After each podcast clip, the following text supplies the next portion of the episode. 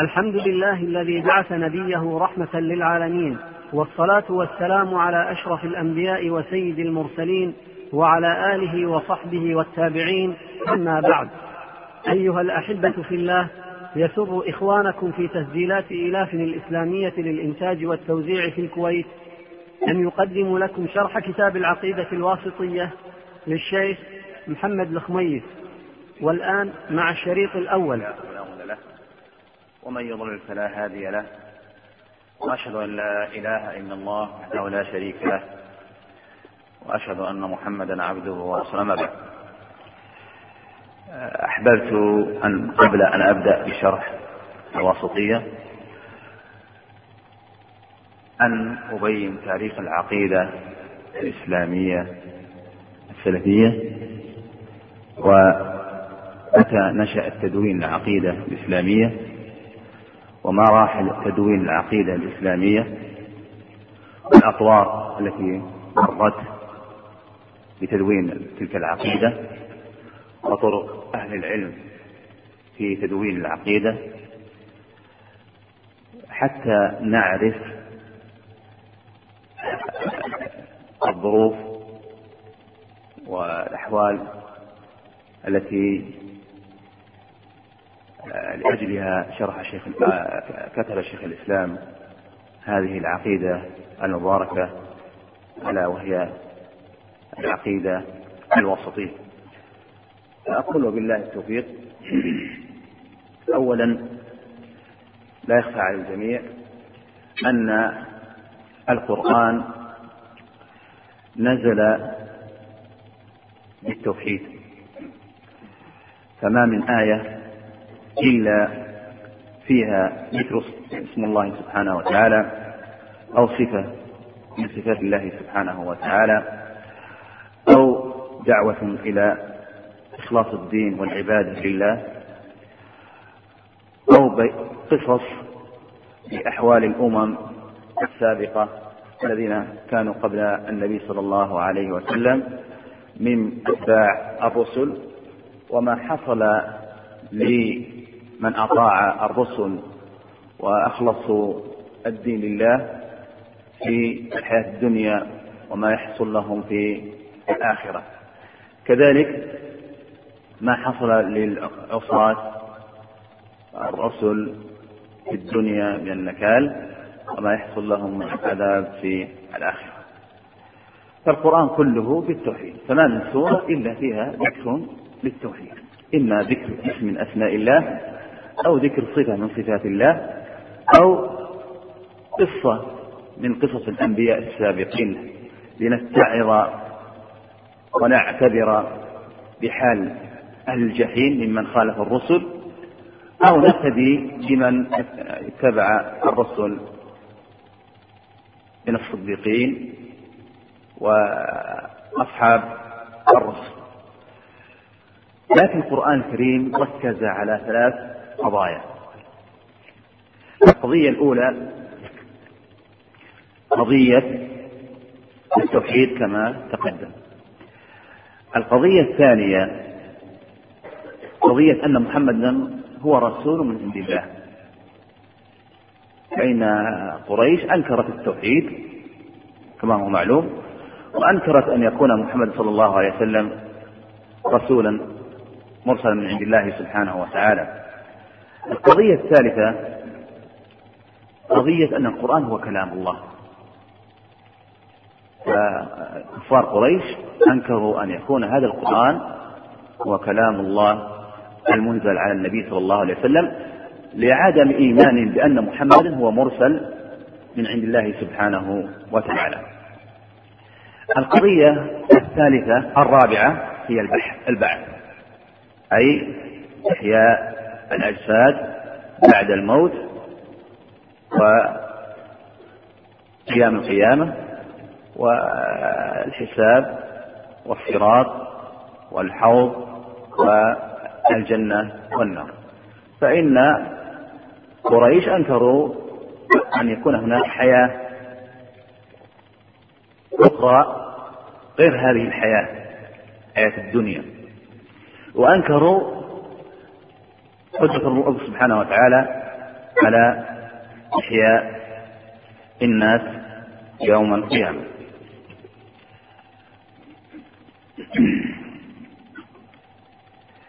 وقد تعرض القرآن عدة آيات في هذه القضايا الأربع أما القضية الأولى وهي قضية التوحيد فإن الله سبحانه وتعالى يدلل على توحيد العبادة الذي حصل النزاع والخصومة بين قريش وبين النبي صلى الله عليه وسلم بتوحيد الربوبية الذي يقرون به. فإن المشركين يقرون بأن الله سبحانه وتعالى هو الخالق هو الرازق هو الذي أوجد هذا العالم. و فبالتالي ما دام أنكم مقرون بأن الله هو الخالق وأن الله هو الرب. فلماذا لا تعبدونه؟ كما في قول الله تبارك وتعالى يا أيها الناس اعبدوا ربكم الذي خلقكم والذين من قبلكم لعلكم تتقون. الذي جعل لكم الأرض فراشا والسماء بناء وأنزل من السماء ماء وأخرج به من الثمرات رزقا لكم. فلا تجعلوا لله أندادا وأنتم تعلمون. كما في سورة الكافرون قل يا أيها الكافرون لا أعبد ما تعبدون وغير ذلك من الآيات التي فيها احتجاج الله سبحانه وتعالى المشركين بما أقروا به من توحيد الربوبية.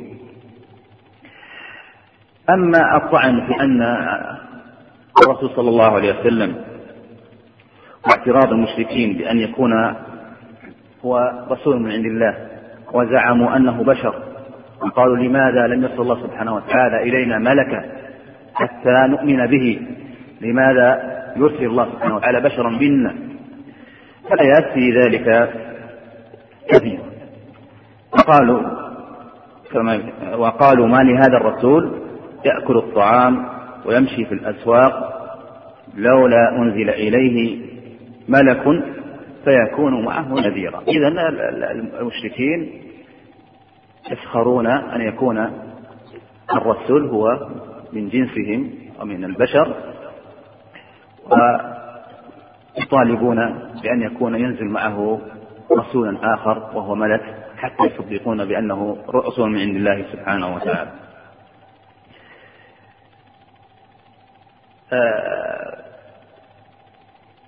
اعترض فاعترض المشركون أن يكون الرسول صلى الله عليه وسلم ومن رسول من عند الله لأنه بشر ولأنه من جنسهم. والحكمة في أن يرسل الله سبحانه وتعالى رسولا من البشر حتى يكون قدوة لمن آمن به. ولو كان الرسول من الملائكة لاحتج من احتج أنه لا يستطيع أن يقتدي بهذا الرسول من الملائكة لأن الملائكة جنس غير جنس البشر. فلا نستطيع أن نعبد الله سبحانه وتعالى أو نقتدي بملك من الملائكة. فهذه هي الحكمة من كون الله سبحانه وتعالى أرسل رسولا من بني البشر يحكي ابن إسحاق قال دعا رسول الله صلى الله عليه وسلم قومه إلى الإسلام وكلمهم فأبلغ إليهم. فقال زمعه بن الأسود والنضر بن الحارث والأسود بن يغوث وأبي بن خلف والعاصي بن وائل لو جعل معك يا محمد ملك أي ملك من الملائكة يحدث عنك الناس ويرى معك. فأنزل الله تعالى في ذلك قوله وقالوا لولا أنزل عليه ملك ولو أنزلنا ملكا لقضي الأمر ثم لا ينظرون ولو جعلناه ملكا لجعلناه رجلا وللبسنا عليهم ما يلبسون. ذكر الكلبي أن مشركي مكة قالوا يا محمد والله والله لا نؤمن لك حتى تأتينا بكتاب من عند الله. ومع هذا الكتاب أربعة من الملائكة يشهدون بأنك رسول من عند الله. ويشهدون بأن هذا الكتاب هو من عند الله. وقد ذكر الله سبحانه وتعالى قولهم وقالوا ما لهذا الرسول يأكل الطعام ويمشي في الأسواق لولا أنزل إليه ملك فيكون معه نذيرا. فتتلخص شبهة المشركين في هذه القضية في أنهم اقترحوا على النبي صلى الله عليه وسلم أحد أمرين. إما أن تنزل عليهم ملائكة مباشرة من السماء. وإما ينزل ملك على رسول الله صلى الله عليه وسلم وهم يرونه ويشاهدونه وهو يتنزل عن النبي صلى الله عليه وسلم بأم أعينهم. ولما كانت هذه الدعوة أي ملكية الرسول لا تستقيم وتاريخ الأنبياء يكذبها لجأوا إلى وسيلة أخرى وهي اتهام الرسول صلى الله عليه وسلم بالافتراء والكذب. فإنهم مشركون.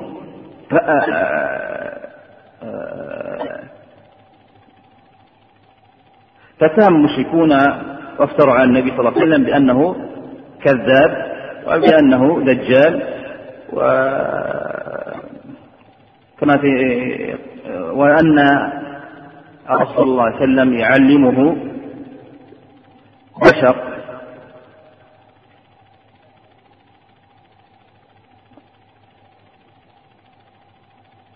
قال تبارك وتعالى حكاية عنهم.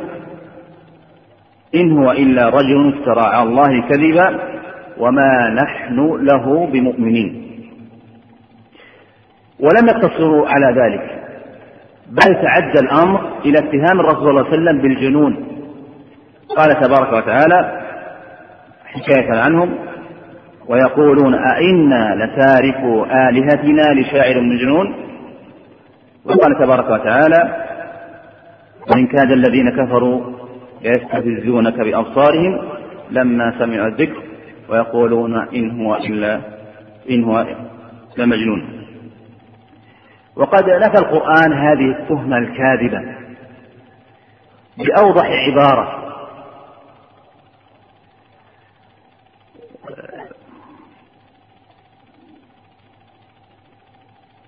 قال تبارك وتعالى أولم يتفكروا ما بصاحبهم من جنة إن هو إلا نذير مبين.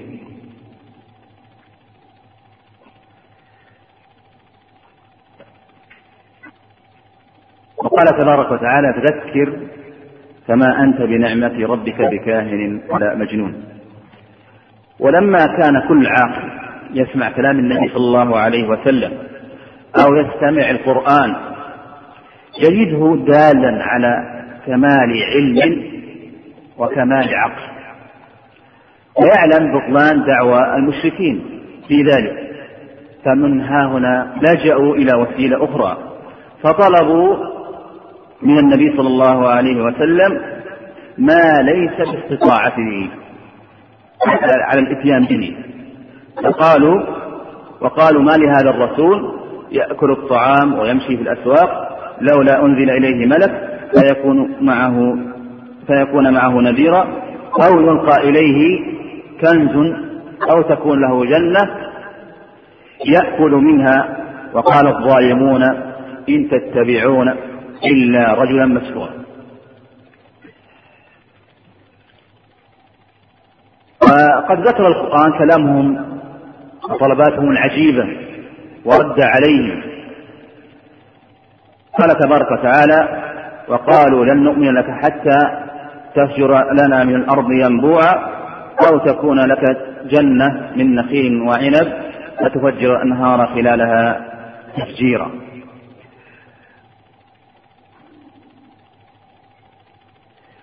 ثم عطف القرآن على جانب آخر وهو التحدي للمشركين في القرآن. وبيان أن محمد صلى الله عليه وسلم قد جاء بالمعجزة الخالدة وهي معجزة القرآن الكريم. قد تحدى النبي صلى الله عليه وسلم العرب جميعهم على أن يأتوا بمثل هذا القرآن أو يأتوا بسورة من مثله أو يأتوا بعشر آيات أو يأتوا بآية فما استطاعوا مع أن أهل أنهم أهل البلاغة وأهل الفصاحة. ومعلوم أن آيات الأنبياء تكون من جنس ما تفوق به كل قوم. فإن موسى عليه السلام كان قومه يشتغلون بالسحر وتفوقوا بالسحر فأوتي موسى عليه السلام بالعصا وليست من السحر. وكذلك في قوم عيسى عليه السلام كان أولئك القوم برزوا في علم الطب. فأوتي عيسى عليه السلام بآيات وهو أنه يشفي المرضى بإذن الله ويبرئ الأكمة وغير ذلك من من الآيات وليست بنوع من الطب.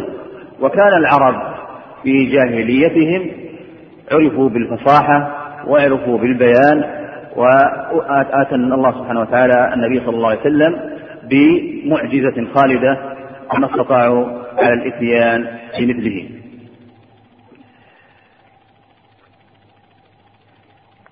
الطعن الثاني طعنوا في أن القرآن هو كلام من عند الله.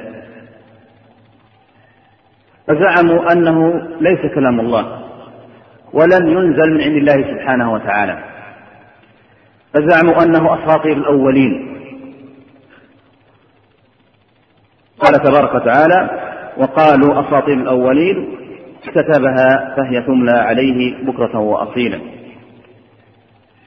وزعموا أن النبي صلى الله عليه وسلم يأخذ القرآن من رجل نصراني.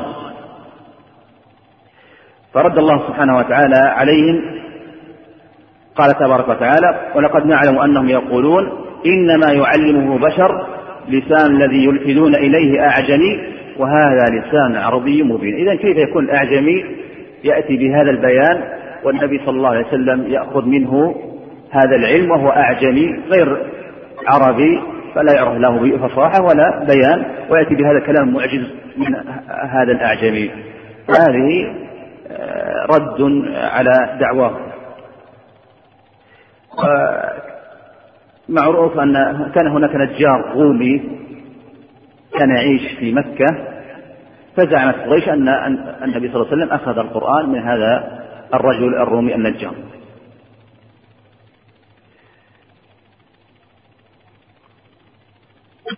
كذلك زعموا أن القرآن إنما هو سحر أو كلام كاهن وقد فند القرآن هذه الشبهة. قال تبارك وتعالى فذكر فما أنت بنعمة ربك بكاهن ولا مجنون. وقال تبارك وتعالى ما تنزلت به الشياطين وما ينبغي لهم وما يستطيعون إنهم عن السمع لمعزولون فأخبر تعالى بأن الشياطين إنما تتنزل على كل كذاب فاجر والنبي صلى الله عليه وسلم هو صادق وهو الأمين عند كفار قريش. فكيف يتنزل عليه الشياطين؟ قال تبارك وتعالى هل أنبئكم على من تنزل الشياطين؟ تنزل على كل أفاك أثيم يلقون, يلقون السمع وأكثرهم كاذبون وكذلك زعموا أن القرآن شعر. وقد رضى الله عليهم وما علمناه الشعر وما ينبغي له إن هو إلا ذكر وقرآن مبين. وقال تبارك وتعالى ويقولون أئنا لتارك آلهتنا لشاعر مجنون؟ بل جاء بالحق وصدق المرسلين. الأمر الثالث الطعن أو الأمر الرابع الطعن في عقيدة البعث. حيث أنكرت طائفة من مشركي مكة البعث. قال تبارك وتعالى حكاية عنهم وقالوا أئن أئذا كنا عظاما ورفاتا أئنا لمبعوثون خلقا جديدا قل كونوا حجارة أو حديدا. والمعنى أن المشركين المكذبين لليوم الآخر والبعث قالوا أإذا أصبحنا عظاما نخرة نخرة كيف يحيينا الله سبحانه وتعالى؟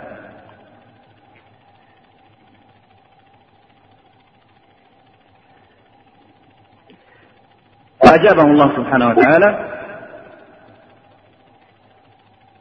لو كنتم من نوع الحجارة أو نوع الحديد فالله سبحانه وتعالى قادر على بعثكم وعلى إحيائكم. كذلك القرآن قد ضارب لهم مثلا حسيا فيما هم يعرفونه ويألفونه وهو دليل واضح على إمكانية البعث وهو إحياء الأرض بعد موتها. إنزال المطر حيث تتشقق الأرض وتخرج نباتها بإذن ربها. قال تبارك وتعالى إن الذي أحياها لمحيي الموتى إنه على كل شيء قدير. إذا هذه القضايا الأربع ثلاث أربع قضية البعث قضية الرسالة قضية التوحيد قضية أن القرآن أنه كلام الله سبحانه وتعالى هو محور النقاش بين النبي صلى الله عليه وسلم وبين قومه. ننتقل الآن إلى نشأة التدوين تدوين العقيدة. نشأة علم تدوين العقيدة نشأ مصاحبا لتدوين علم السنة والحديث. فقد كان أئمة السنة يضمنون كتبهم أبوابا في العقيدة. فمثلا كتاب الجامع الصحيح للإمام البخاري وهو أصح كتابا بعد كتاب الله سبحانه وتعالى استوعب أبواب سبعة في العقيدة وهي الأبواب الآتية أو الكتب الآتية. أولا كتاب الإيمان. وقد رد على المرجئة والخوارج. يعرفون أن الإمام البخاري طريقته أنه يبوب آه، بابا ثم بعد ذلك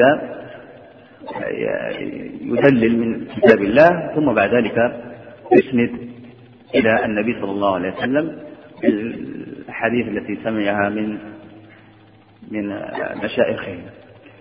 الكتاب الثاني وهو كتاب الرد على الجهمية أو كتاب التوحيد والرد على الجهمية. يعني هو بدأ الإمام البخاري أولا بكتاب آه، بدء الوحي وكتاب العلم ثم ختم الصحيح بكتاب التوحيد والرد على الجهمية. فاستفتح بالعقيدة باب من أبواب العقيدة واختتم الكتاب الجامع بباب من أبواب العقيدة. كذلك من الأبواب كتاب الاعتصام بالكتاب والسنة وهذا رد على المبتدعة أو رد على من أعمل القياس ورد نصوص الكتاب والسنة. كذلك من الأبواب الباب الرابع كتاب أخبار الأحاد. هذا رد على أهل الكلام الذين زعموا أنهم لا يأخذون بخبر الواحد الصحيح إلى النبي صلى الله عليه وسلم المروي عن النبي صلى الله عليه وسلم لزعمهم أنه مخالف للعقل أو مخالف للأقيسة العقلية التي اخترعوا. وهذا عند أهل الكلام. كذلك الباب الخامس كتاب استتابة المرتدين والمعاندين. وهو رد على الملاحدة ممن ارتد بعد إسلامه أو عاند بعد قبل أن يسلم.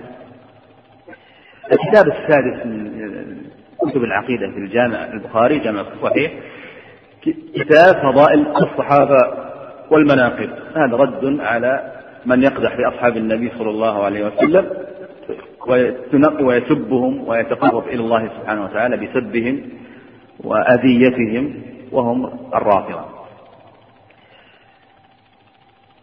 الكتاب السابع كتاب الوحي هو رد على منكري النبوة. الكتاب الثامن كتاب بدء الخلق وهو رد على الزنادقة والملحدين. المقصود أن هناك سبعة أو ثمانية أبواب في الجامع. الصحيح هي من أبواب العقيدة.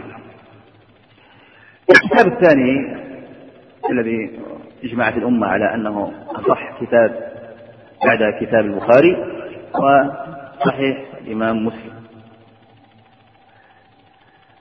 خصص الإمام مسلم في الجامع. الصحيح الكتب الآتية.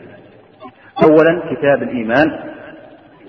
وهو في الرد على المرجئة والخوارج ثانيا كتاب القدر في الرد على القدرية والجبرية.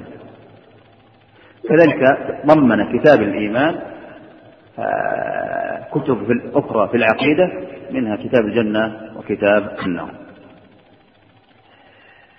الكتاب الثالث من كتب السنة سنن أبي داود. ضمن الإمام أبي داود في كتابه السنن بابا في الرد على الجهمية. كتاب السنة والرد على الجهمية. الكتاب الرابع وهو سنن أبي داود آه سنن الترمذي. آه عفوا سنن ابن ماجه. خصص هذا الإمام في سننه أي سنن ابن ماجه كتابا بعنوان المقدمة والرد على الجهمية. سنن الترمذي الكتاب الخامس سنن الترمذي. خصص الإمام الترمذي كتابا في العقيدة والدفاع عنها وهي الكتب التالية. أولا كتاب القدر رد على القدرية والجبرية. ثانيا كتاب الإيمان الرد على المرجئة والوعيدية ثالثا كتاب فضائل الصحابة للرد على الرافضة والخوارج. إذا هذه بداية نشأة تدوين العقيدة. بدأ تدوين العقيدة مع بداية تدوين السنة. مراحل تدوين العقيدة.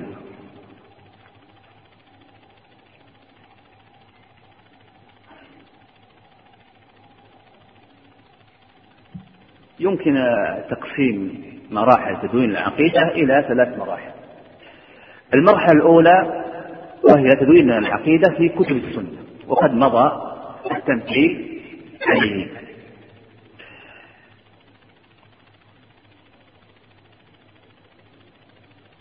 وتتميز هذه المرحلة أو بأن الكتب هذه التي في الصحاح كتب العقيدة التي في الصحاح أو في السنن أنها هي من باب عرض العقيدة. يعني تعرض العقيدة ليس في الرد.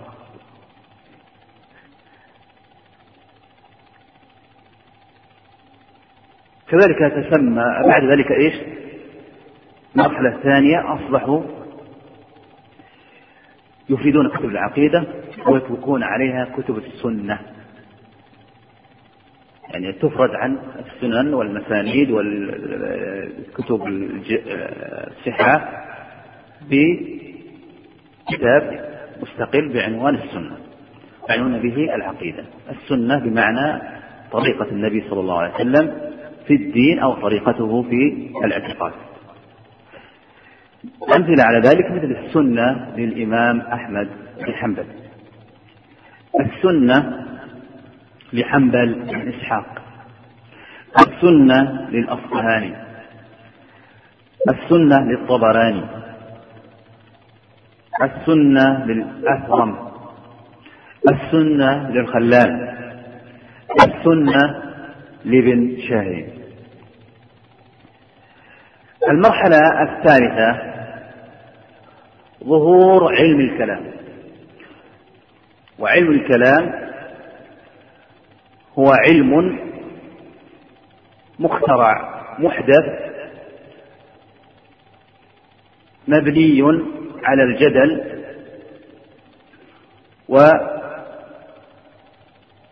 والأقيسة العقلية وأصله مأخوذ من الفلسفة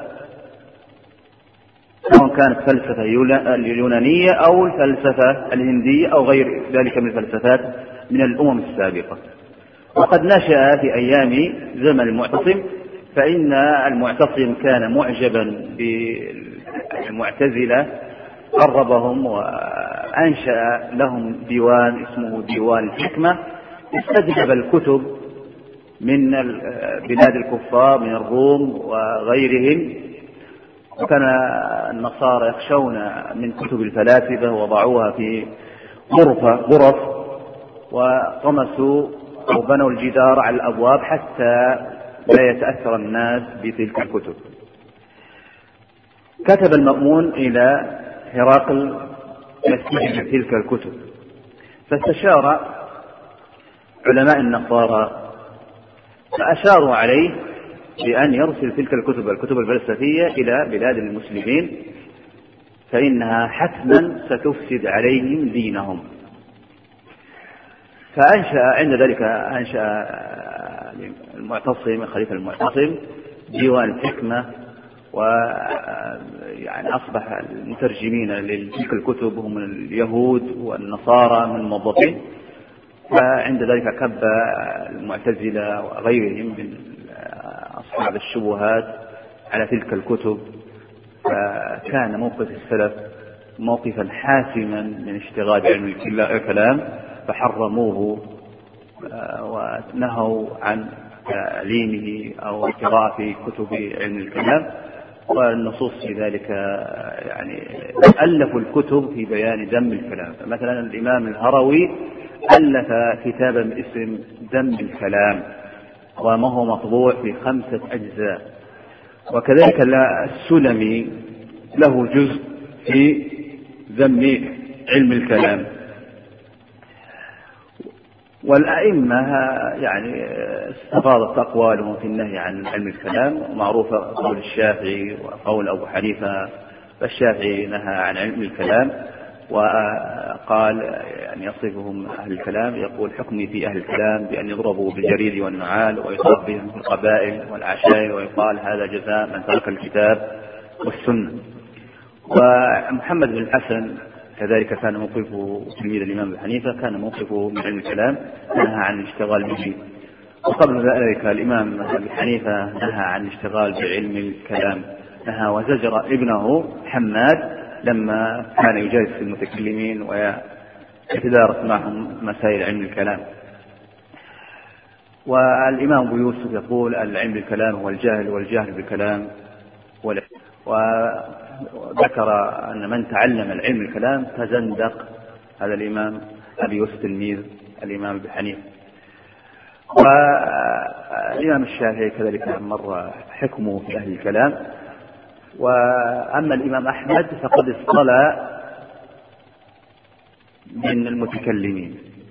وذلك أن المتكلمين استحوذوا على المأمون واقتنع بمسائل علم الكلام. ومن جملة مسائل علم الكلام تعطيل كمال الله المقدس من أسماء الله وصفاته والقول والزعم بأن القرآن مخلوق.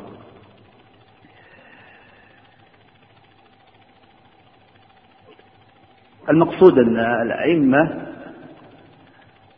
ألفوا الكتب في الرد على أهل الكلام. فالإمام أحمد مثلا الذي اصطلى بنار المتكلمين فسجنوه في أيام المعتصم وكذلك في أيام آه، قبل ذلك أيام آه، هارون عفوا من وقع أيام الفتنة؟ وقع أوجب الفتنة. ها؟ يعني هارون رشيد لا. المأمون أو المأمون هو الذي جلب الفتنة المأمون هو الذي جلب الفتنة وهو الذي كان إيش؟ حوله المتكلمين وهو الذي استصدر الكتب وأنشأ ديوان الحكمة. وهو الذي ترجم الكتب الفلسفية. ثم ورثها بعد ذلك إيش؟ وأوصى بخليفته من بعده أن يمشي على هذا الطريق وهو المعتصم. فالمقصود أن الإمام ألف كتابا في الرد على هؤلاء اسمه كتاب الرد على الجهمية. للإمام أحمد ويقصد بالجهمية هنا المعتزلة المتكلمين أي المعتزلة. فقد اشتهر عند السلف أن كل معطل لأسماء الله وصفاته فهو جهمي كائن من كان. المقصود أنهم يسمون المتكلمين الجهمية. كذلك رد الإمام الدارمي كتابا باسم الرد على الجهمية. كذلك الإمام الدارمي وهو أحد علماء الشافعية رد بكتابا آخر على رجل من المتكلمين اسمه بشر المريخ فسمى كتابه الرد على بشر المريسي العنيف. الكتاب مطبوع في مجلدين أما الكتاب الإمام أحمد فهو في جزء بسيط وجمع الإمام أحمد شبهات أهل الكلام. وبين مسلكهم أنهم يؤمنون بالمتشابه ولا يردون المحكم. كذلك الإمام البخاري رد عليهم بكتاب خلق أفعال العباد. كذلك الإمام ابن قتيبة رد على المتكلمين بكتاب اسمه الاختلاف في اللفظ والرد على الجهمية. كذلك عبد العزيز الكناني وهو أحد علماء الشافعية رد عليهم بكتاب اسمه الحيدة. كذلك محمد بن أسلم الطوسي رد عليهم بكتاب اسم على الجهمية كذلك حنبل بن أثرم النسائي رد عليهم بكتاب الاستقامة.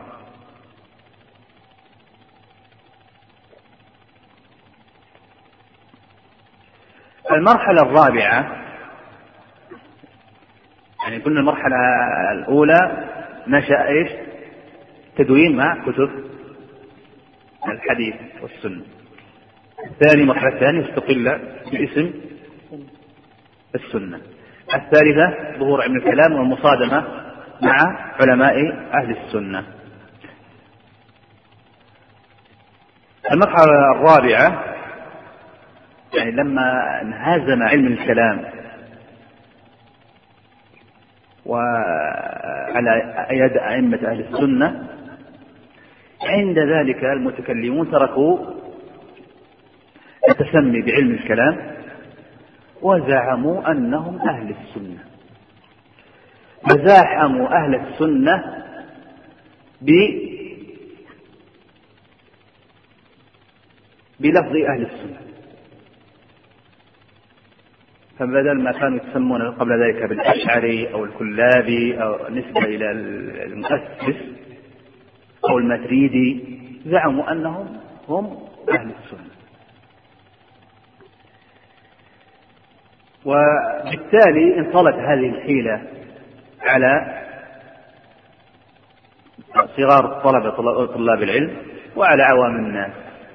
فظنوا أن علم الكلام الأشعري أو علم الكلام الماتريدي أو علم الكلام الكلابي هو مذهب أهل السنة والجماعة. وعرفوا هؤلاء المتكلمين يعني بالنشاط. أيدتهم بعض الدول. الدولة العباسية في مرحلة من المراحل. ثم بعد ذلك الدولة الأيوبية في مرحلة من المراحل. المقصود أن هؤلاء المتكلمين الذين زعموا أنهم أهل السنة انتشروا في المدارس التعليم انتشروا كذلك في الإخواء انتشروا في الإفتاء حتى أن في زمن شيخ الإسلام غلب هؤلاء على جميع المناصب العلمية في الدولة. فلا يعرف سني خالص وإنما يعرف هؤلاء المتكلمين الذين يزعمون أنهم أهل السنة في تلك المراكز الحساسة. لكن مع ذلك تصدى لهم أهل العلم. فضحوهم وكشفوا عوارهم. من جملة ذلك هؤلاء أحد علماء أهل السنة الخلص وهو على مذهب حنيفة في الفقه اسمه الإمام السجزي في كتابه الإبانة وكتابه الحرف والصوت. كذلك الإمام أبي ذر الهروي في كتابه ذم علم الكلام. ونتيجة أن هؤلاء زعموا أنهم أهل السنة ظهرت وأثر بعض أهل السنة في مصطلحاتهم. فانظروا مثلا رجلان أو انظروا إلى رجلين يعني يريدون التأليف في بيان عقيدة الإمام أحمد وضمنوها علم الكلام. الرجل الأول اسمه أبي الفضل التيمي والرجل الثاني ألف كتاب اسمه جملة اعتقاد الإمام أحمد بن حنبل رضي الله عنه. من جملة ذلك قوله إن الله واحد لا من عدد لا يجوز عليه التجزؤ ولا القسمة وهو واحد من كل وجه. وقول كذلك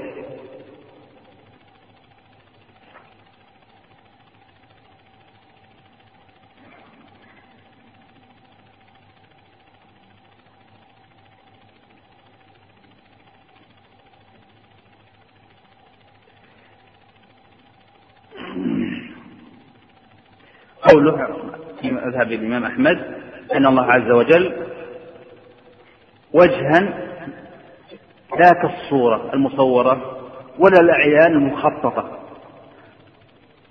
وليس معنى وجهه معنى جسد عنده ولا صورة ولا تخطيط. هذه عبارات المتكلمين. معروف أن السلف يلتزمون خاصة الإمام أحمد يلتزم بألفاظ القرآن وألفاظ الحديث. ومعروف أن ألفاظ القرآن جاء بالتنزيه المجمل. أما التنزيه المفصل فهي طريقة المتكلمين. مثلا كتاب آخر وهو كتاب أبو محمد التميمي يريد أن يقرر عقيدة الإمام أحمد. قال يعني عن الإمام أحمد وكان رحمه الله يبطل القول بالتوالد ولا يذهب إليه وأن السهم الذي يرمى يرمي به الرامي به الرامي في القاتل الواقع إلى آخر كلامه. ثم يقول وكان يقول ليست أعراضا ولا أجساما لأنه قد ثبت أن الموصوف ليس بعرض ولا جسم وكذلك صفاته. فهذه انظروا هذه العبارات عبارات العرض والجسم وهذه من عبارات ومصطلحات أهل الكلام. والإمام أحمد كان رجلا سنيا يتشبث بألفاظ القرآن والسنة ولم يتوسع في التنزيل. كذلك المتكلمين ألفوا كتابا آه، اسمه علم الفقه الأكبر ونسبوه إلى الإمام الشافعي. وكله عبارات علم كلام ليس فيه قال الله ولا قال رسوله وإنما هي عبارات كلامية مثل الجوهر والعرض والجزء وغير ذلك من العبارات التي ما عرف أصلا الاشتغال بها والتكلم فيها إلا في عصور متأخرة بعد زمن الإمام الشافعي. الإمام الشافعي إماما أثريا يأخذ عقيدته من الكتاب والسنة وليس بل كفر حص الفرد حص الفرد وهو من علماء الكلام في زمانه كفره الإمام الشافعي رضي الله عنه. المقصود أن الأئمة كلهم حاربوا علم الكلام ونهوا عن الاشتغال به ومع ذلك هؤلاء المتكلمين احتالوا حيلة كيف الدخول على أهل السنة وتسموا وزعموا أنهم أهل السنة. حتى في زمن الإمام ابن تيمية لا لا يعرف أحد سني خالص إلا وقد تأثر بهذه المناهج والعبارات. الكلامية. وكان الإمام ابن تيمية مجاهدا ومجددا حقا لمذهب السلف القديم. طيب ننتقل الآن ببيان جهود الأئمة الأربعة في تدوين العقيدة. يبدأ الإمام أبي حنيفة. أقدمهم وفاة. نسب إلى الإمام أحمد الإمام أبي حنيفة عدة كتب في العقيدة ولكن المشتهر عنه كتاب الفقه الأكبر. وهو برواية ابنه حماد بن أبي حنيفة. وهي رسالة تشتمل على أصول الدين. وقد اعتنى علماء الحنفية المتأخرين بشرحها. حتى بلغ عدد شروحها حوالي خمسة عشر شرحا. وقد ذكرها المصنفين يعني مثلا من أقدم من ذكرها ابن النديم في الفهرست والبغدادي في الفرق بين الفرق وغيره المقصود أن هذه الرواية رواية الفقه الأكبر من لا تصح إلى الإمام أبي حنيفة. فإن في أسانيدها إلى الإمام أبي حنيفة مجاهيل لا يعرفون. بالإضافة إلى أن الراوي لها حماد بن أبي حنيفة وهو عند أئمة النقد وأئمة الحديث وضعيف في روايته. فبالتالي لا تثبت عن الإمام أبي حنيفة. الرواية الثانية وهي رواية أبي مطيع برقي أبي مطيع البرقي هذا كان كذابا عند المحدثين. ويضع الحديث عن النبي صلى الله عليه وسلم. بالإضافة إلى أنه جهمي وكذلك مرجع فبالتالي روايته عن الإمام عن الإمام أبي حنيفة لا لا تصح. فإذا كان يكذب على النبي صلى الله عليه وسلم فمن باب أولى أن يكذب على الإمام أبي حنيفة. لكن الكذوب قد يصدق فإذا روى على خلاف عقيدته في التجهم أو على خلاف عقيدته في الإرجاء فقد يصدق. وتعرف هذه الرواية بالفقه. الأصل ولم يعتني علماء أهل السنة بشرح هذين المتنين أي الفقه الأكبر برواية الإمام حافظ رواية حماد أو الفقه الأبسط في رواية أبي مطيع البصير لضعف تلك الروايتين وغالب من شرحها هو هم أهل أهل الكلام ومن الحنفية. فنظرا لاشتهار هاتين الروايتين أضطررت إلى شرحهما فأعتقد أكبر شرحته بحمد الله سبحانه وتعالى وكذلك الفقه الأبسط في رواية أبي مطيع البخيل لأنه لا يمكن أن تدخل على الحنفية المتكلمين هؤلاء إلا من طريق كتبهم. فشرحته ووجهته على طريقة أهل السنة والجماعة.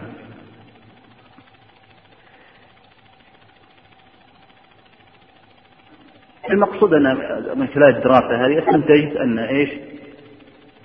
هذه الروايتين هي عبارة عن الإمام كما قلت لا تثبت وهي عبارة عن أمالي الإمام أبو حنيفة كان يملي في الدرس. بعض التلامذة كانوا يكتبون. ف ممن كتب حماد وأبي مطيع البرقي فهي تنسب إلى من كتبها. تنسب إلى حماد أو تنسب إلى أبي مطيع البصري.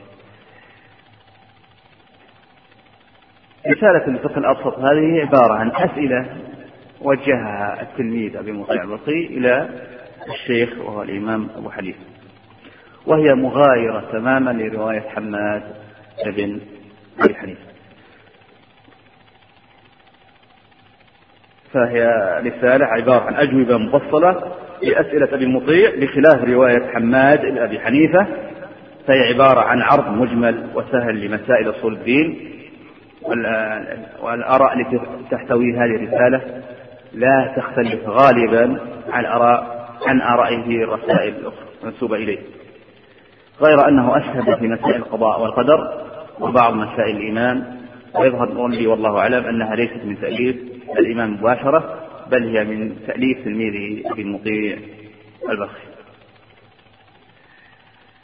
كذلك أما الإمام مالك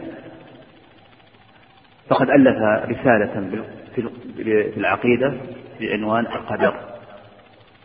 وللأسف هذه الرسالة لا توجد. هو راويها ابن وهب. القرشي وهي غير موجودة. أما الإمام الشافعي كذلك نسب إليه لم يؤلف العقيدة قال اشتغاله بالفقه وفي الحديث وفي الأصول وله كتب مؤلفة في الفقه وفي الأصول وهي معروفة عند طلاب العلم. لكن المتكلمين المتأخرين من علماء الأفراد ألفوا رسالة باسم الفقه الأكبر ونسبوها إلى الإمام الشافعي وهي فيها مصطلحات كلامية لا تصح للإمام الشافعي. أما أحمد فله عدة رسائل في العقيدة منه منها كتاب الرد على الجهمية كذلك كتاب السنة. و إنسان في وقت. يعني نلقي الضوء على كتاب السنة.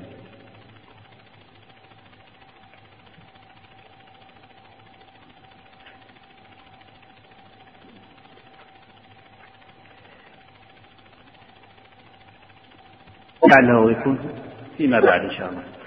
طيب. منهج العلماء في التأليف والتصنيف في العقيدة.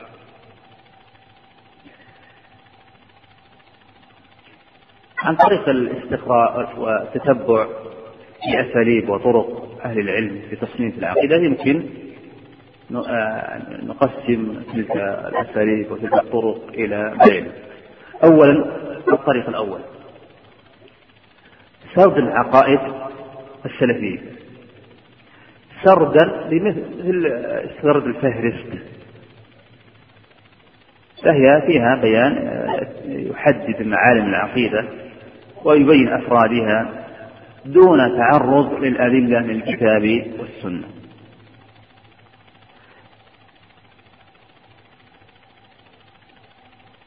مثل متن العقيدة الطحاوية ما هو الشرح؟ متن هو الإمام الطحاوي الحنفي فإنها عبارة عن مثل فهرس كلام مجمل في الاعتقاد. لذلك شرحها الشارحون ومن جملة من شرحها ابن أبي الأسد كذلك السنة أصول السنة للإمام أحمد. كذلك شرح السنة للببهاري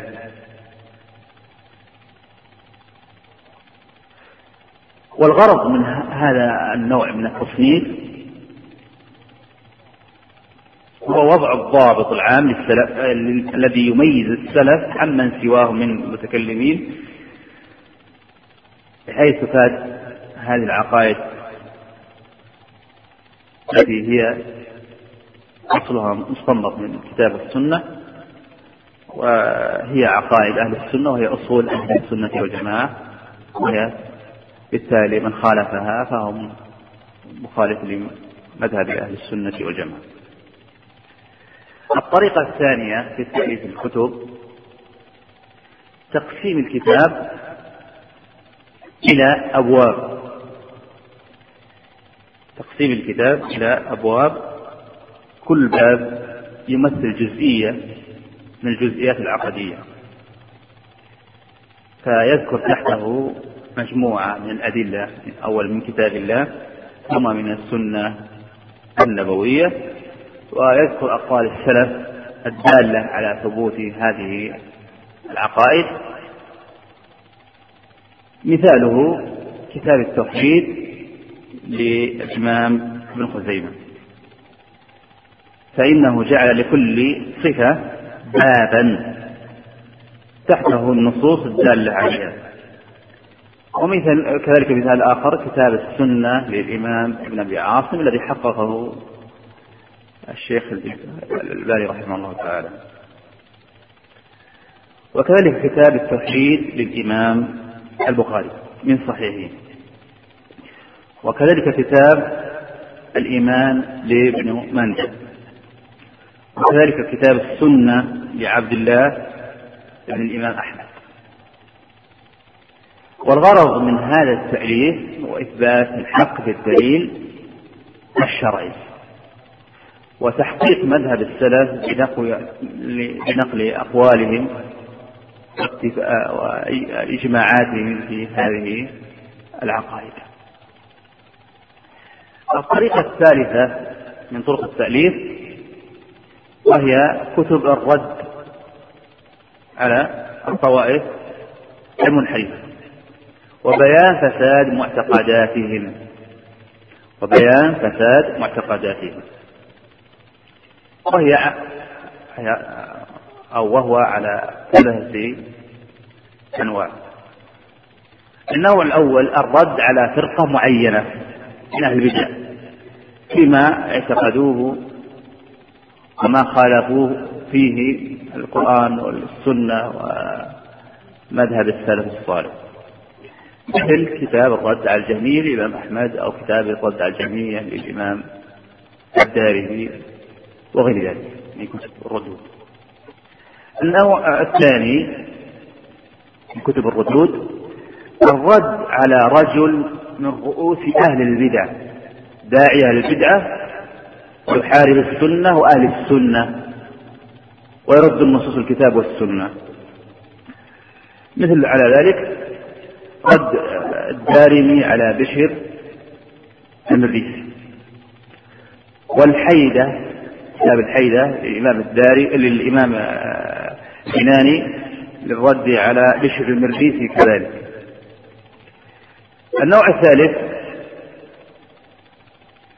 الرد على عقائد أهل البدع بغض النظر عن مسمياتهم. مثل كتاب خلق أفعال العباد الإمام البخاري.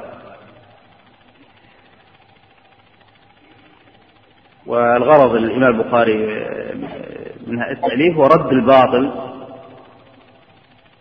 في مسألة كلام الله سبحانه وتعالى ومسألة اللفظ والملفوظ. الطريق الرابع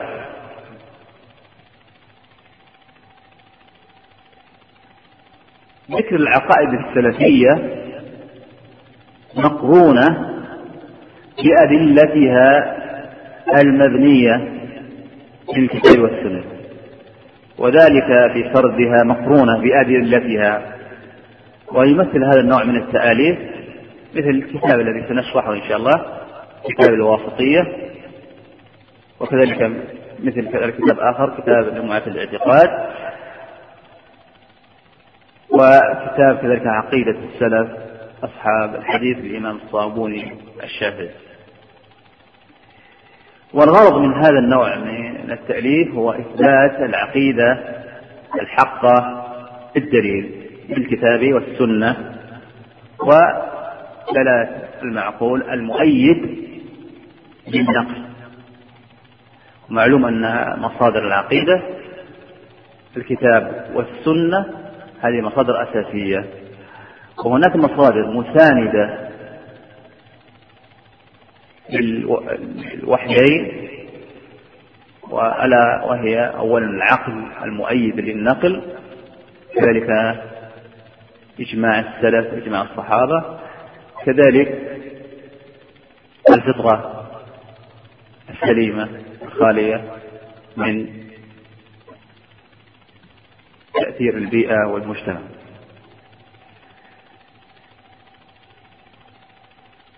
الطريق الخامس من طرق تأليف كتب العقيدة تحقيق النقل عن السلف.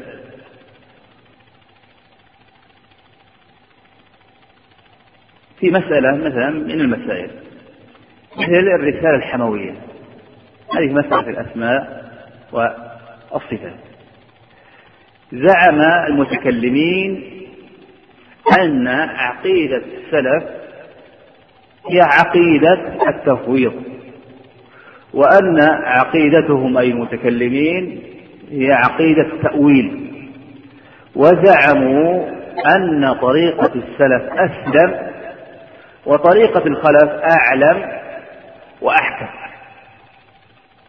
انظروا كيف وصفوا السلف أي الصحابة والتابعين لهم بإحسان بأنهم عقيدتهم عقيدة السلامة. يعني عقيدة التوفيق وأن وصفوا طريقة المتكلمين المتأخرين بأنها طريقتهم طريقة العلم والحكمة. فكيف يكون المتأخر أعلم من الصحابي أعلم من أبي بكر وعمر وعثمان؟ ومعلوم أن الصحابة رضي الله عنهم ما من آية إلا عرفوا متى نزلت وفي من نزلت وفهموا تأويلها. وإذا أشكل عليهم سألوا النبي صلى الله عليه وسلم تأويلها فكيف يكون المتأخرين المتكلمين أعلم من أبي بكر وعمر وعثمان وعلي من أصحاب النبي صلى الله عليه وسلم؟ سبحانك هذا وكان عظيم. والعبارة بنفسها متناقضة. إذ أن من لوازم السلامة العلم والحكم من لوازم السلامة العلم والحكم إذا الإمام ابن تيمية ألف هذه الرسالة الحموية في الرد على هؤلاء الذين زعموا أن طريقة السلف هي التفويض. كيف معنى التفويض؟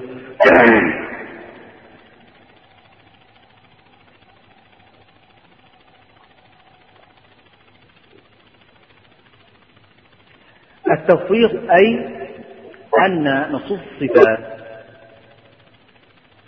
غير معلومة المعنى مجهولة. وهي بمنزلة الألغاز والأحاجي. وبعضهم قال إنها مثل الحروف المقطعة.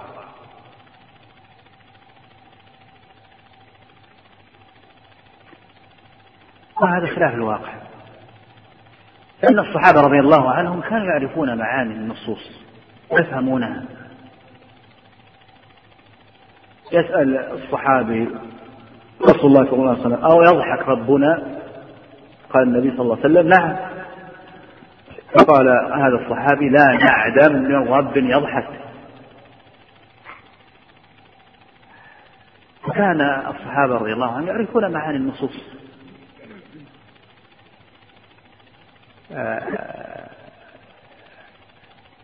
المقصود أن هؤلاء يصيمون السلف لأنهم جهال لا يفقهون أنهم اشتغلوا بالجهاد ولا يشتغلوا بالفقه لا يفقهون النصوص. فرد شيخ الإسلام عليهم بهذه الرسالة أي الرسالة الحموية ببيان أن طريقة السلف هي الأسلم والأعلم والأحكم وأن طريقتهم أنهم يفهمون النصوص. نصوص الصفات ونصوص الاعتقاد كما أنهم يفهمون نصوص الأحكام. وذكر بعد ذلك أقوال السلف.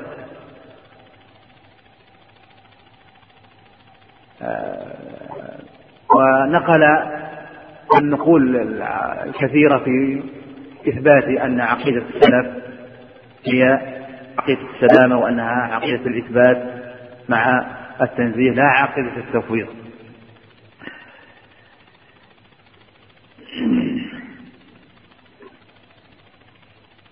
كذلك من الكتب في هذا كتاب اجتماع الجيوش الإسلامية على غزو المعطلة والجهمية. الإمام ابن القيم ألفه الرد على من أنكر علو الله سبحانه وتعالى وأول العلو بأنه علو المكانة والمنزلة.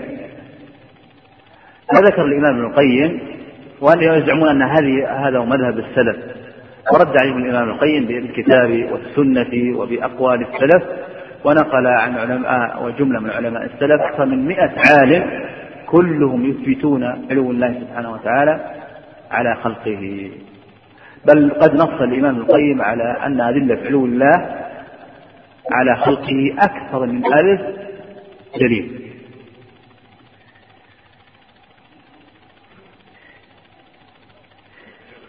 إذا الغرض من هذا النوع من التأليف أحد أمرين. الأول الأمر الأول تحقيق مذهب السلف عن طريق النقل عنهم بالأسانيد الصحيحة. كما هو الحال في كتاب اجتماع الجيوش الإسلامية على غزو المعطلة والجهمية الثاني بيان أن للسلف مذهب نهجوه وسلكوه وطريق وهم على الطريق المستقيم في ذلك في باب الاعتقاد. وهم على علم وعلى بصيرة وليسوا على الجهالة. وهذا في كتابه الرسالة الحموية. والحمد لله لمن أراد يعني يعني عليه طبعة الدكتور حمد توجري بالحموية فإن فيها سقطا وفيها دس أهل الكلام عبارات الطبعات الموجودة التجارية هذه دسوا فيها عبارات المتكلم النساق هؤلاء. أقوال ليست من أقوال الإمام ابن تيمية. كذلك كتاب اجتماع الجيوش الإسلامية على المعطلة والجهمية. عليكم بتحقيق الدكتور آه، المعتق. طبعة دار رشد. أما طبعة الدكتور التويجري فهي طبعة دار سميري الطريق السادس في التأليف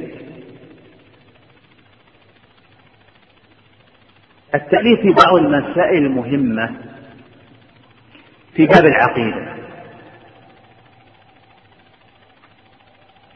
مما عظم الخلاف فيه. بين السلف وغيرهم من المتكلمين أو أهل البدع.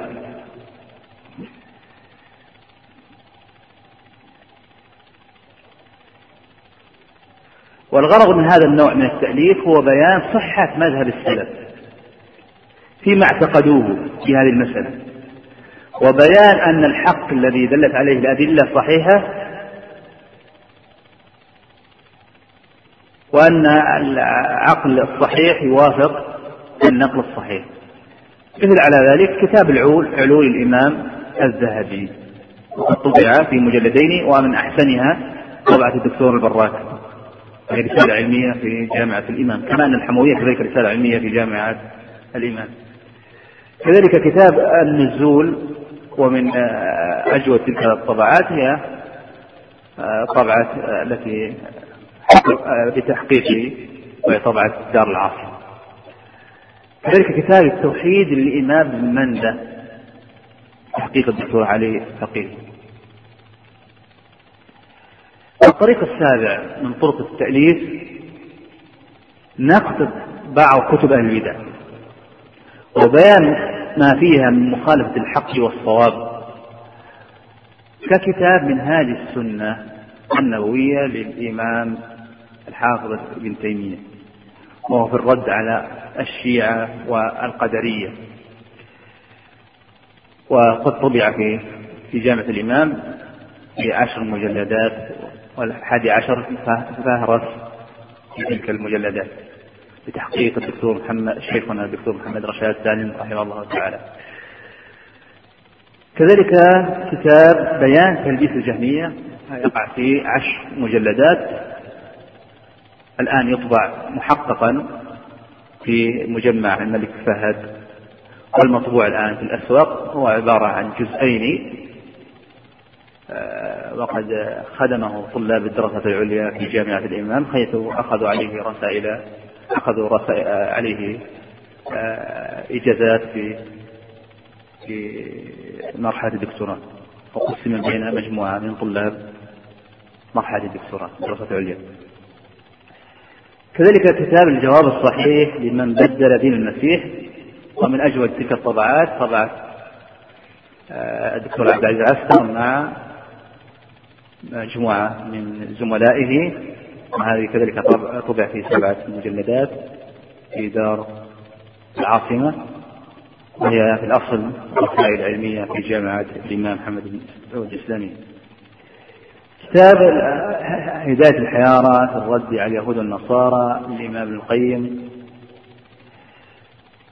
فالغرض من هذا النوع من التأليف نصرة الحق ببيان ما في الباطل من زيف ورد شبهات أهل البدع سواء من الروافض أو من أهل الكلام أو من رد على كذلك على اليهود والنصارى في كتاب خاصة كتاب الجواب الصحيح وكتاب هداية الحياة.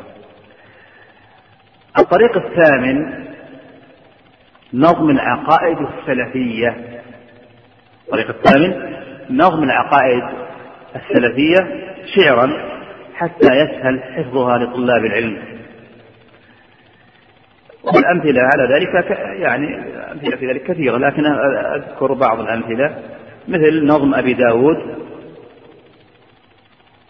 ونظم أبي الخطاب ونظم أبو زيد القيرواني ونظم السفاريني أصل الشرح اللوامع الأنوار البهية فيها شرح النظم وغير ذلك من النظم في العقائد.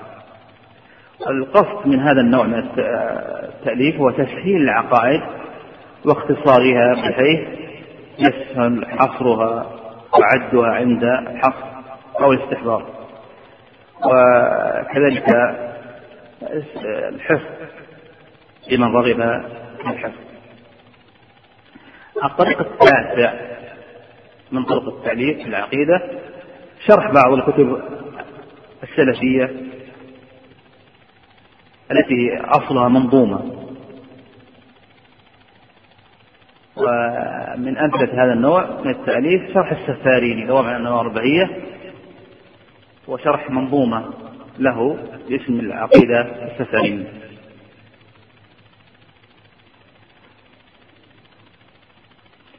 ذلك شرح ابن أبي العز للعقيدة الطحاوية والغرض من هذا النوع من التأليف والكشف عن معاني هذه المتون مثل كذلك شرح شروح الواسطية أو شروح التدمرية أو شروح كتب التوحيد. الغرض من هذه التأليف هو إظهار ما خفي من معاني تلك المتون والاستدلال لها بما يدل على ثبوتها من الأدلة الشرعية ومن أقوال سلف هذه الأمة. الطريق العاشر من طرق التأليف في العقيدة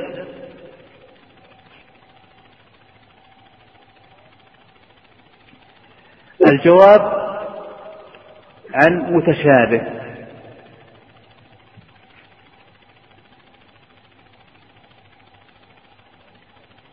مسألة فيها تشابه أوردها أو ذكرها أهل البدع.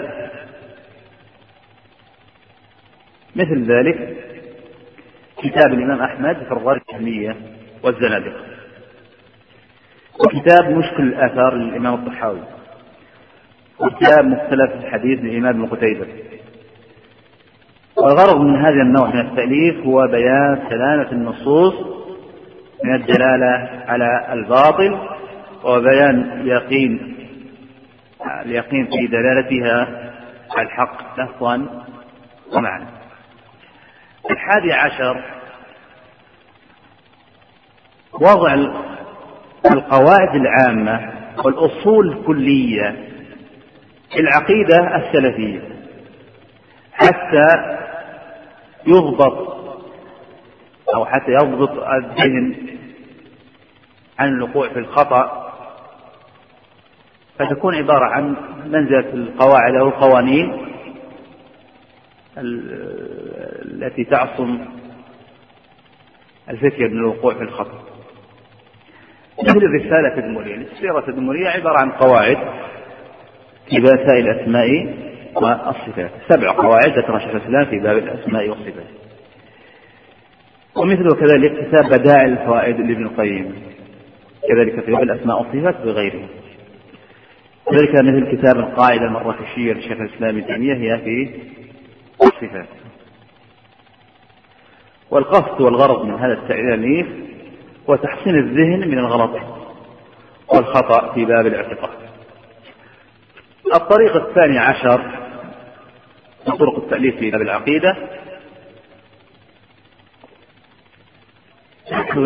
الفرق الضالة وتتبع تاريخها وبيان متى خرجت وفارق جماعة المسلمين ومتى فارقت السنة وأهل السنة.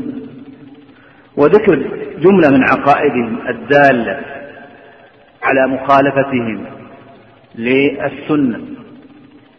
والأمثلة على ذلك مثل كتاب التنبيه والرد الإمام الموطي الشافعي ويعتبر من أحسن الكتب في بيان تاريخ الفرق وبالإضافة أن هذا العالم من علماء السلف ويعتبر من أقدم الكتب في بيان الفرق وتاريخ الفرق وبيان ضلال تلك الفرق.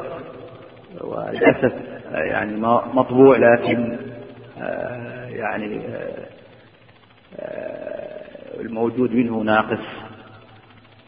وبلغني أنه حقق في الجامع الإسلامي ولعله أثر على الكتاب كاملا. كذلك كتاب الاعتصام للإمام الشاطبي. هذا النوع هو الغرض منه هو التحذير من البدع وبيان ما عندهم من انحراف. وما وقعوا فيه من الخطأ والزلل. الرابع الطريقة الأخرى وهي الطريقة في التأليف الطريقة الرابعة عشر.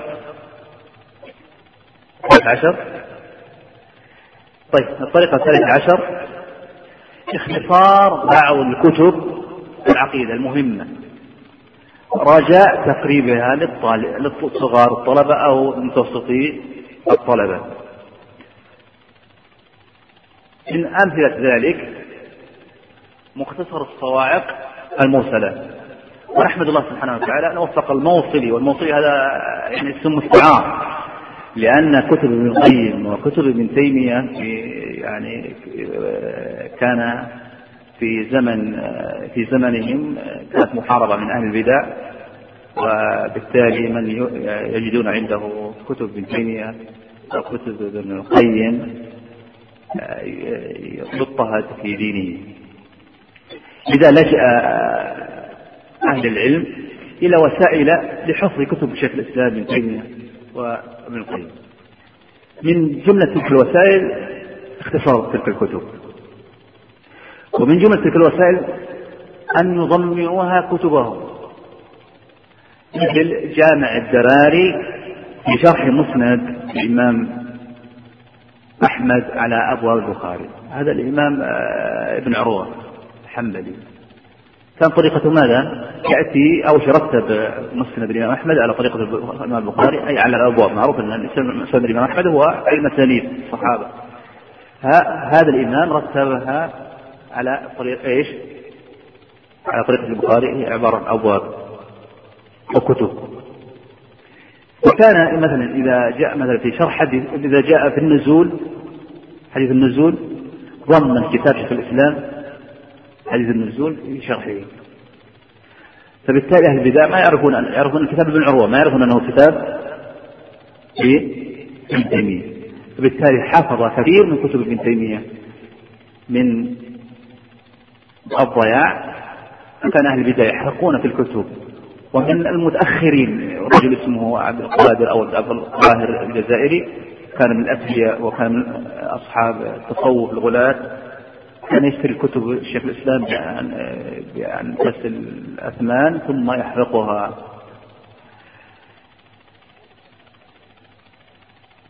كذلك فعل الإمام الذهبي اختصر كتاب منهاج السنة في كتابه منهاج الاعتدال. إذا الغرض من الاختصارات هذه هو حفظ تلك الكتب أو كذلك تقريبها للناشئة وطلاب العلم ومتوسطي طلاب العلم.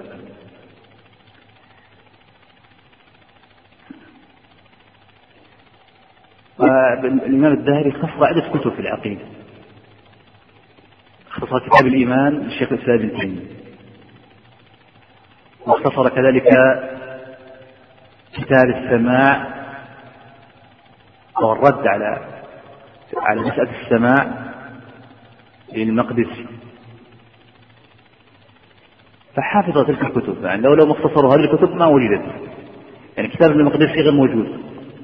الرد على من أجاز السماع. وكذلك لو لم يفعل موصلي اختصاري للصواعق لما وقف على الكتاب لأن كتاب الصواعق ما وجد إلا بعضه. هو في أربعة أجزاء مطبوع. فمن فوائد هذه الطريقة أنها تحفظ الكتب من الضياع ومن الانتشار. إن الحمد لله نحمده ونستعينه ونستهديه ونستغفره ونتوب إليه. ونعوذ بالله من شرور أنفسنا ومن سيئات أعمالنا من يهده الله فلا مضل له ومن يضلل فلا هادي له وأشهد أن لا إله إلا الله وحده لا شريك له وأشهد أن محمدا عبده ورسوله أما بعد. حتى نفهم هذه الرسالة المباركة وهي الرسالة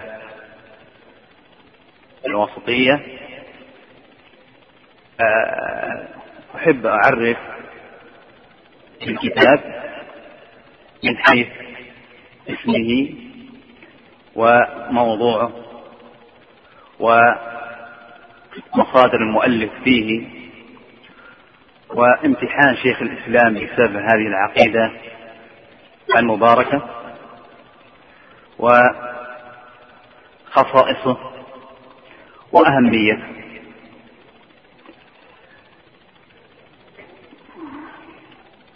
أما أولا مصادر شيخ الإسلام في التي استقى منها مادة هذا الكتاب.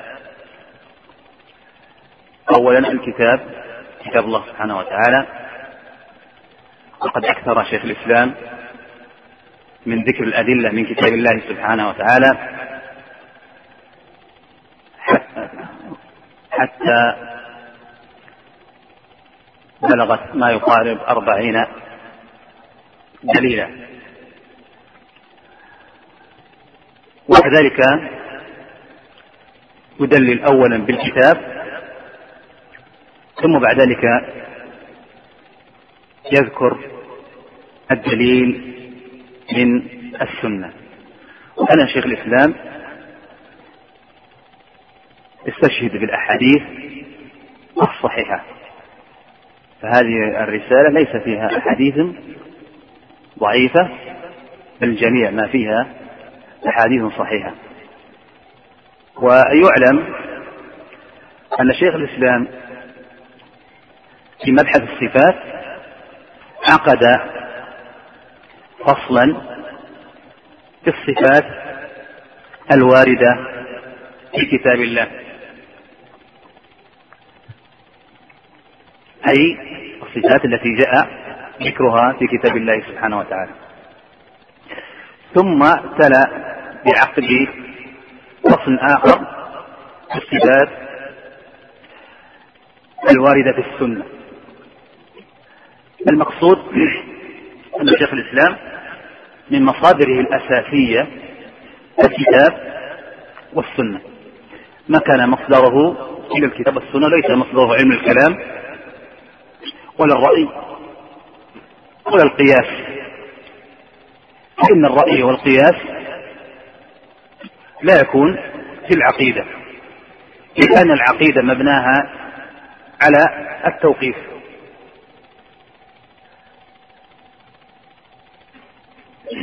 أما عقائد أهل الكلام فتصدرها كما لا يخفى إما علم الكلام أو الفلسفة أو الرأي أو القياس. أما عقيدة السلف صالح مصدرهم الوحيد الوحيين الكتاب والسنة. رجع شيخ الإسلام ذكر مصادر أخرى وهي الكتب المؤلفة في العقيدة المسندة مثل اعتقاد السلف أصحاب الحديث ومثل كذلك السنة للدالكاء وكذلك الشريعة للآجري وغير ذلك من كتب السلفية المسندة.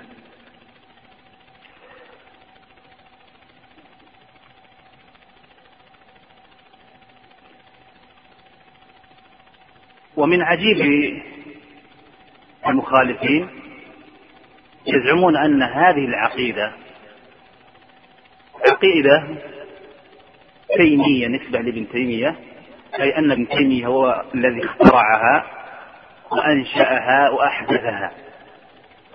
وهذا يكذبه في الكتاب. فإن العقائد يستنبطها شيخ الإسلام من كتاب الله ومن سنة النبي صلى الله عليه وسلم ويرجع إلى الكتب السلف الذين يقررون عقائدهم مسندة إلى النبي صلى الله عليه وسلم أو إلى الصحابة أو إلى التابعين. ولا شك أن العلماء الشافعية لهم جهود عظيمة قال شيخ الإسلام في تصنيف الكتب السلفية بل المدونات الكبرى في العقيدة السلفية هي من تأليف علماء الشافعية. فكتاب السنة للالكائي هو من أحد علماء الشافعية. كتاب شرح السنة للإمام البغوي هو أحد علماء الشافعية. كتاب عقيدة السلف أصحاب الحديث هو من علماء الشافعية. كتاب كذلك اعتقاد أئمة أهل الحديث للإسماعيلي وهو من علماء الشافعية. كتاب الشريعة الأجري هو أحد علماء الشافعية. قيل أنه حنبلي ثم إيش؟ تحول إلى مذهب الإمام الشافعي. ومعلوم أن الأئمة أئمة المذاهب كانوا على عقيدة واحدة وأما خلافهم وفي الفروع في مسائل الفقه خاصة في المسائل التي لا دليل عليها من كتاب الله أو الدليل يحتمل الفهم. أهل البدع يقولون عن هذه العقيدة إنها عقيدة تيمية أو عقيدة الحنابلة. وهذا كذب وافتراء فإن الحنابلة خاصة إمامهم إمام أهل السنة الإمام أحمد كان متمسكا بالكتاب والسنة ولم يأتي بمسألة من مسائل الاعتقاد من قبل نفسه أو من قبل رأيه أو من قبل قياسه. بل كان شديد التمسك بالسنة كما هو حال الأئمة الإمام الشافعي والإمام مالك والإمام أبي حنيفة رضي الله عنهم أجمعين. لم تكتمل مادة هذا الشريط بعد. لذا نرجو متابعتها في الشريط الذي بعده.